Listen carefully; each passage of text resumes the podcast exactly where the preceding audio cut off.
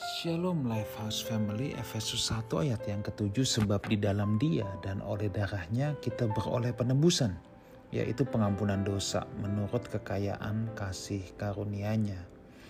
Saudaraku, satu hal yang kita harus camkan bahwa penebusan yang dilakukan Tuhan Yesus adalah untuk memindahkan status kita. Dulu kita hidup di bawah hukuman dosa, dulu kita hidup dijajah atau ditawan oleh kegelapan.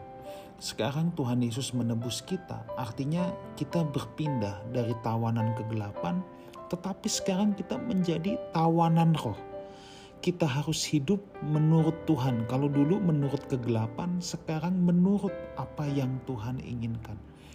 Tetapi sayangnya banyak orang yang memaknai penebusan sebagai kesempatan dia untuk hidup suka-sukanya sendiri darah Kristus cuma dianggap sebagai alat untuk mencuci dosa. Ya, betul darah Tuhan Yesus membasuh kita, menguduskan kita. Tetapi sebenarnya penebusan itu supaya kita tidak lagi berada di bawah belenggu dosa. Itu makna dari penebusan. Ya. Jadi bukan sekedar menyucikan kita, tetapi gimana supaya kita tidak terikat lagi, supaya kita tidak dibelenggu lagi. Tetapi kalau kita berkata, "Aku sudah ditebus," lalu kita bermain-main lagi dengan dosa, itu namanya kita sudah dibeli, dibayar lunas, eh terus kita gadaikan lagi. Dulu misalnya kita punya hutang, ya, saudara punya hutang nih. Hutangnya sudah dilunasi, harusnya gimana? Ya mulai sekarang hiduplah serius, jangan bikin hutang yang baru, kan begitu.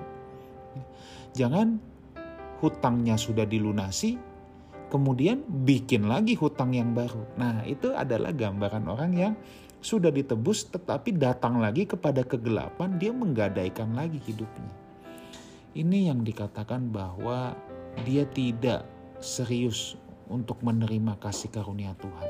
Saudaraku, penebusan oleh Tuhan Yesus kita terima dengan cuma-cuma. Tapi kita nggak boleh sia-siakan. Apa yang kita terima gratis secara cuma-cuma itu bukan berarti boleh kita buang-buang. Itu bukan berarti kita boleh bersikap seenaknya tidak menghargainya. No, tidak seperti itu saudaraku. Memang berapa yang bisa kita bayar untuk penebusan itu? Tidak ada harga yang kita bisa bayar untuk penebusan itu.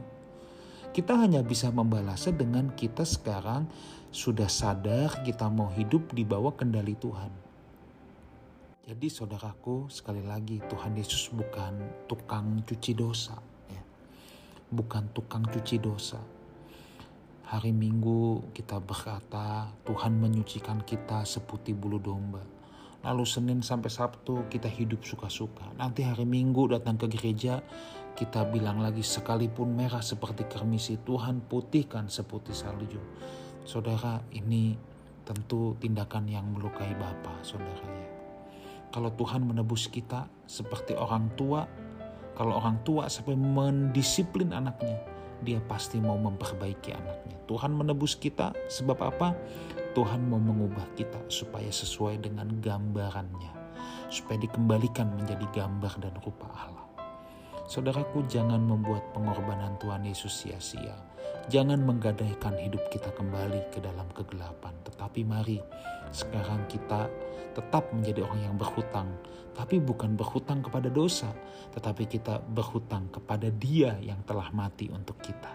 Tuhan Yesus menyertai kita semua. Amin.